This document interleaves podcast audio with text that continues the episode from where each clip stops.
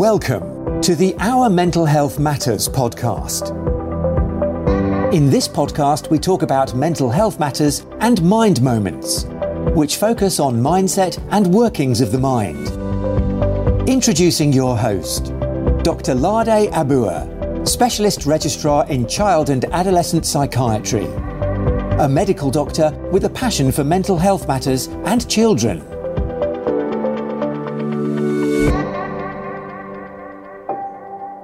Hi everyone, it's Lade here. Welcome to our Mental Health Matters podcast. I will be talking about sleep today. Sleep is a biological necessity. Importantly, we have three brain states.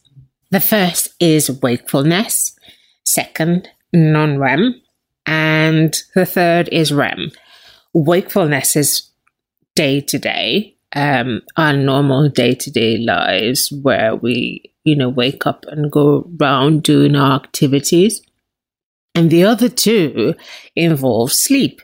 Our sleep essentially is divided into two stages. It's the REM stage and the non-REM stage.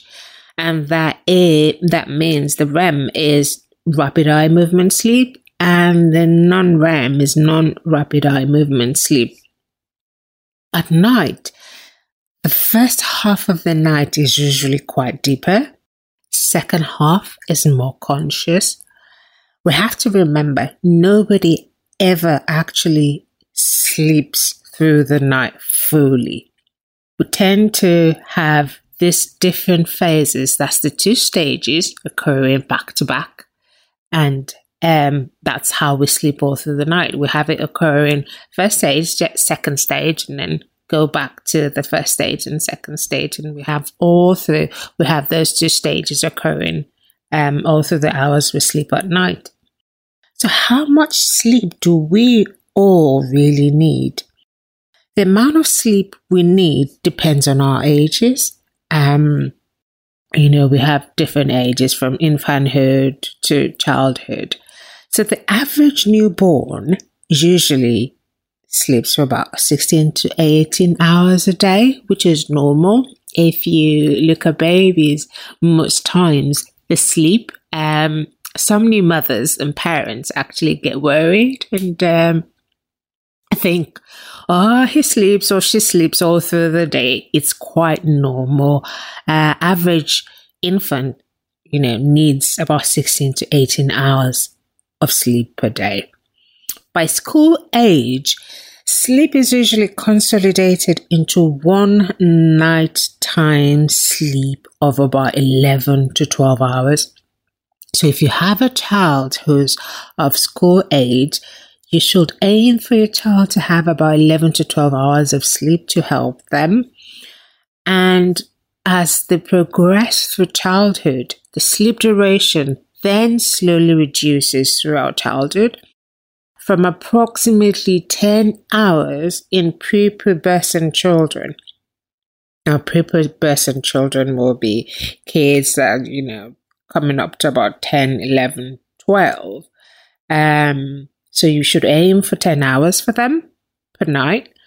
And as, as they get older, to about age 8, age 16, uh, the, the sleep hours should be about 8 to 9 hours. For adults, most adults require a range of seven to nine hours of sleep. Um, we advise people generally to have uh, a minimum of seven to nine hours of sleep. We we we um it, we know it ranges per individual. Some people will tell you I'm fine with eight hours. Some will say I'm fine with seven hours. Some would say I'm fine with nine hours. Some will say I have to have 10 hours of sleep. These are just ranges for people. They're not individuals, individual specific. You have to know what works for you. You have to know how many hours of sleep per night help you to function the next day. How many hours of sleep um, will be detrimental to you the following day. You have to know how many hours of sleep would come across as being sleep deprived for you. Uh, so for adults, we generally advise about seven to seven to nine hours of sleep. Generally, pressure for sleep begins at about 16 hours of sleep of, of no sleep. So if if you haven't had about uh, 16 hours, you've gone through 16 hours of the day with no sleep, you know, your body starts to complain and starts to show you're, you're a bit sleep deprived, and that ultimately affects your functioning. So we need to bear this in mind. Why do we need sleep? Sleep is a very important part of our life. It is a very important part of our functioning. It's a very important part of our mental health. It is a very important part of our productivity and fruitfulness. For our bodies, sleep is important for thermoregulation, that is, being able to control our temperature. Um, our bodies need to have a certain temperature for everything to function, for the organs to function, for the brain to function. And that's what we mean by thermoregulation. So, sleep is needed for that. It is needed for energy conservation, it is needed for regulation of metabolism, and metabolism is how your body breaks down um, food and all the other things that you need to function. It is also needed for immune function, and that's when that's your body's ability to be able to fight diseases and um, take care of itself and take care of things that shouldn't be in the body in the first place. It is important for growth. Now, this is very important in, in, in regards to children. This is why the, the hours of sleep they need is important. It is essential, really, to adhere to those hours because they need it for growing.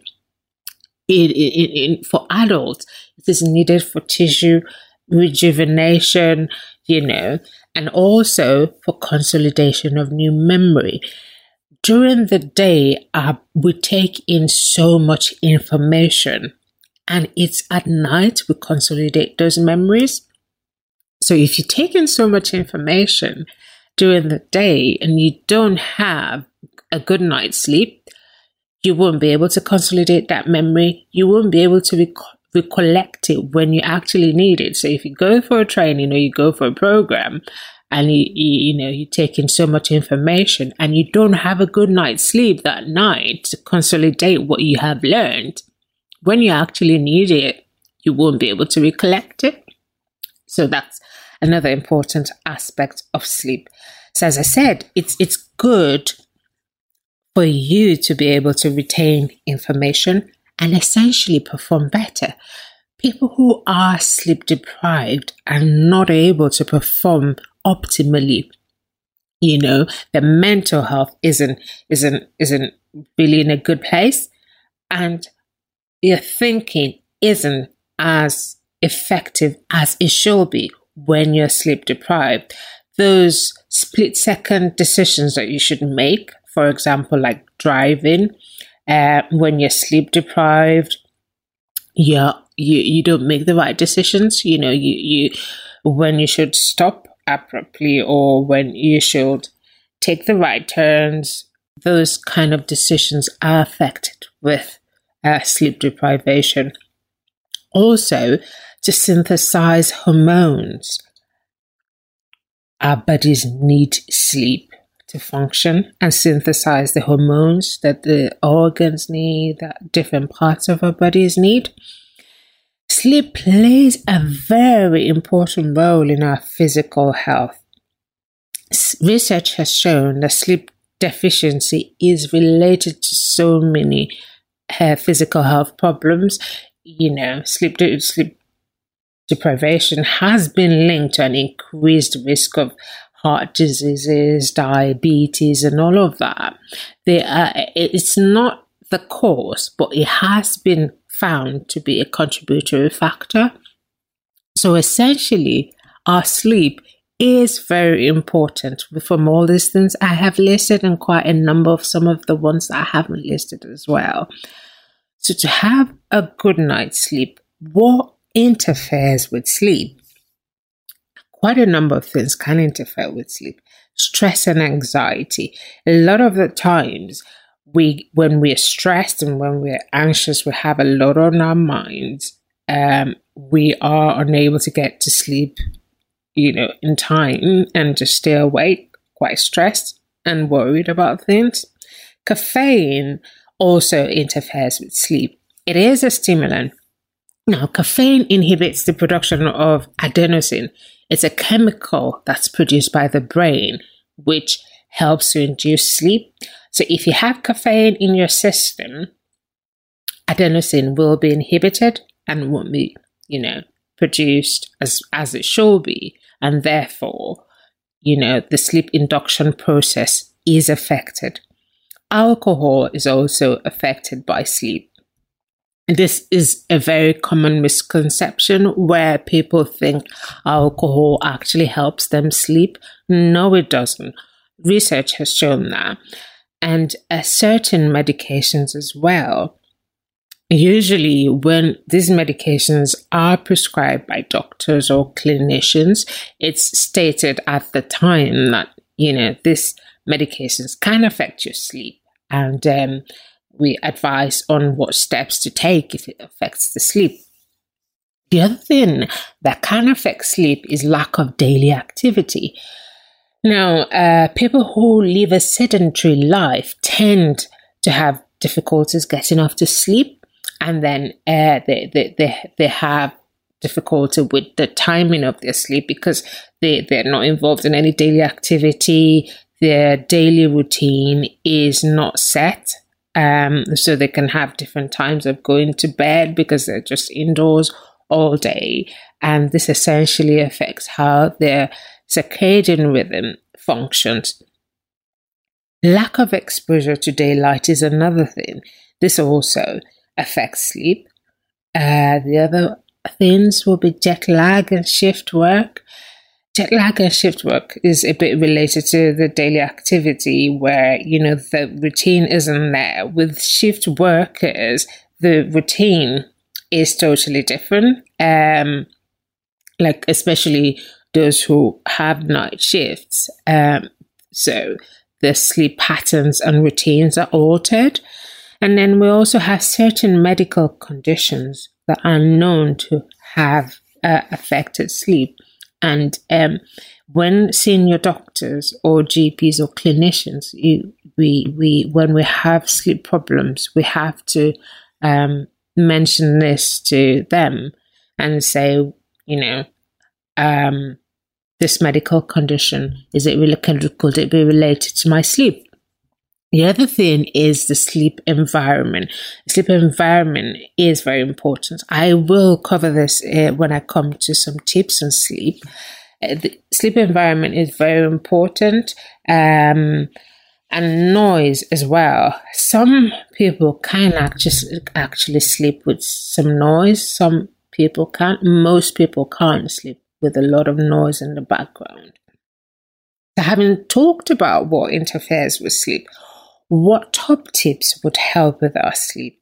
Sleep environment very important. At this this sets it sets the the the, the foundation for sleep in the first place. Sleep environment essentially is the bedroom. Now, the bedroom must be comfortable. It must not be full of clutter. The bedroom, as we say, should only be for sleep and sex. It should be cool. It should be quiet, not too bright lighting, because the light can affect um, the, the chemicals that are produced to help induce sleep. And ideally, we advise that there shouldn't be TV in the room. This is because uh, the TV in the room can uh, be a distraction for sleep. Some people don't have this difficulty because they can leave the TV on and you know go to sleep while the TV is on. But if you're having difficulties with sleep, it is essential that there shouldn't be TV in the room, and the light from the TV also interferes with sleep. I'll talk about that in, in a few seconds. Um, the other second tip for sleep is to keep a sleep diary for a short time. Now, if you're having difficulty with sleep, it is essential to know the exact time you go to bed, when you wake up, if you have intermittent wakefulness, to know the times you wake up at night, record it, and then the time you go back to bed and the times you eventually wake up at night. This would help to identify your sleep patterns. You know, with with sleep difficulty, there's the different types. There's, there's like there's a type of uh, difficulty with sleep induction. That is, some people have the difficulty getting off to sleep, while some people would sleep. You know, they'll get off to sleep quite okay, but they will wake up uh, during the night wake up and find it difficult to go back to bed, or they wake up and stay awake for a few hours and then um, go eventually go back to bed and get a little bit of sleep again before they wake up. So this helps to identify exactly where the problem is. And this is what will help whoever you see about the sleep difficulty to pinpoint straight away.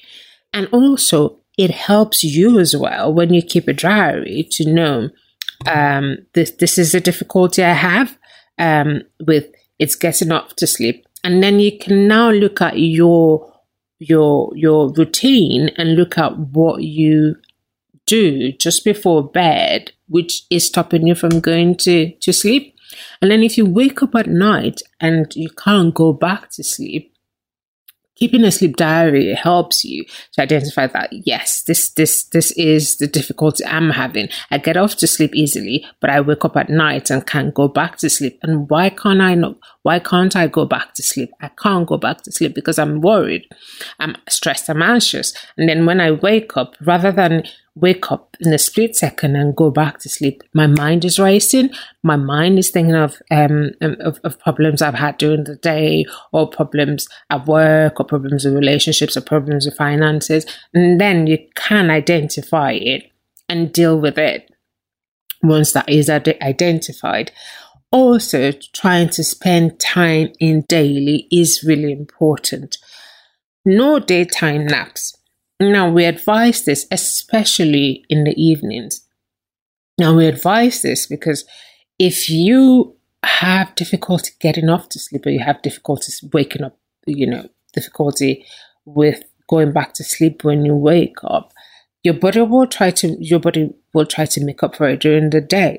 But if you can restrict that daytime nap and don't go to sleep during the day, it will help the subsequent night and you can get off to sleep easily and also sleep through. So we generally advise no daytime naps. Caffeine, as I said before, it is a stimulant. It inhibits the production of adenosine, a chemical that's produced by the brain to induce sleep. Caffeine is fine in the morning, it's fine in the, in the early afternoons, but we advise not taking it towards sleep time. Like I said, it uh, you know it affects um, adenosine, and um, it will keep you awake. Now, this is also individual specific. Some people I have spoken to a couple of people who would say, "Well, I take caffeine just before I go to bed, and it doesn't affect me. I get off to sleep easily." But if we're having difficulty sleeping, if we're having problems um, waking up at night, then we have to look at these habits of uh, caffeine intake. Now, light exercise late afternoon or evening is very good. Daily light walking, you know, 10 to 20 minutes in the evening helps um, sleep and uh, most especially sleep um, induction. But what, what is important is not to do strenuous exercise at least two hours before bedtime. As the next strenuous exercise will be uh, like going on the treadmill or doing vigorous exercise like boxing or martial arts or, uh, you know, um, going to the gym two hours before bedtime to take on full physical activity. Now, having a good bedtime routine and sticking to it is a very vital part of sleep. You have to have a specific regular time for bed and stick to it. So, if, for instance, if, uh, uh, during the day we advise stick to it. 8 o'clock 9 o'clock 10 o'clock. Stick to that regular bedtime except when you're having some um, work done in your sleep like sleep um, sleep therapy cbt for sleep where we tend to do sleep restriction. You can go off that routine but based on advice from a clinician. Aside that it is good to have a specific time where you go to sleep to bed to sleep every day also, plan activities to relax and unwind before bed. Example of this will be having a warm bath, having a warm drink, and then listening to music. These help um, to calm ourselves down. The warm bath and warm drink also help, you know, to help us calm down. The other part that's important is keeping a worry journal if we remember when I was talking about um, what interferes with sleep, I said stress and anxiety. A lot of people, when stressed and worried about different aspects of um, their lives, it keeps them awake. Those racing thoughts, those worrying thoughts, it, it keeps them awake. It, you know, it makes them uh, find it difficult getting off to sleep, or when they wake up at night, they can't go back to sleep. So it's good to have this worry journal where when you have those thoughts, when those thoughts come to your mind, you, you know, just keep it by your bed, have a pen there, and just quickly scribble you know, the worry and the thoughts or the racing thoughts down and put the journal away and tell yourself, I am not going to visit this until tomorrow. I have written it down. I will revisit, revisit it during the day tomorrow morning or uh, whenever I can during the day. So we don't spend the time that we should be sleeping thinking about all other activities. Now, the use of iPads, computers, mobile phones, laptops, TV an hour before bed. This is advised because of the light frequency from those, those devices. This counteracts the effect of melatonin. Melatonin is like the sleep hormone. It's the one that tells, it's, it's released by the brain. It's the one that tells your body it is time to go to bed now, you know. And if you have that, uh, those devices open, those lights counteracted and tell your brain, even though the melatonin is being released, it tells your brain, no, it's not, no, it's not, it's not yet time to go to bed, even though you, you know, you have melatonin being released into your body, which is why we say those lights are not good for bedtime. So, an hour before bed, put everything away mobile phones, iPads, computers, laptops, TV, because the light from them interfere with melatonin, the sleep hormone in the body.